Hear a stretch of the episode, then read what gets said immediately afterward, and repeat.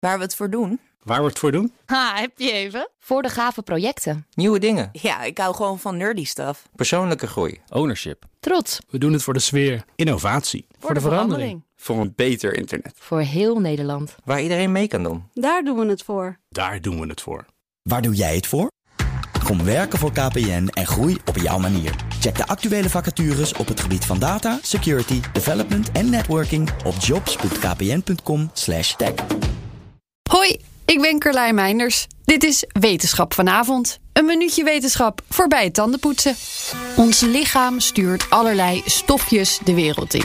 Sommige kun je zien, sommige kun je iets te goed ruiken, maar er zijn er ook die we niet bewust waarnemen.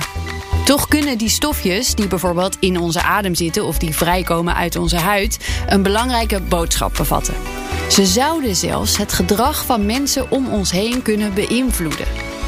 Om dat te testen onderzochten wetenschappers uit Israël het geurloze stofje hexadecanal, of hex. Ze lieten zowel mannen als vrouwen het stofje ruiken en keken wat er in hun hersenen gebeurde. Bij mannen zagen ze activiteit in het brein die duidt op verminderde agressie. Maar bij vrouwen zagen ze juist activiteit die duidt op verhoogde agressie. Nou is hex in grote hoeveelheden te vinden op het hoofd van pasgeboren baby's. Het zou dus niet zo gek zijn als het een evolutionair trucje uit het dierenrijk is om de kleintjes veilig te houden. Waarbij vrouwen met een beetje meer agressie beter hun kroost kunnen beschermen en mannen met een beetje minder een minder grote bedreiging zijn. Is één minuutje wetenschap niet genoeg en wil je elke dag een wetenschapsnieuwtje? Abonneer je dan op Wetenschap vandaag.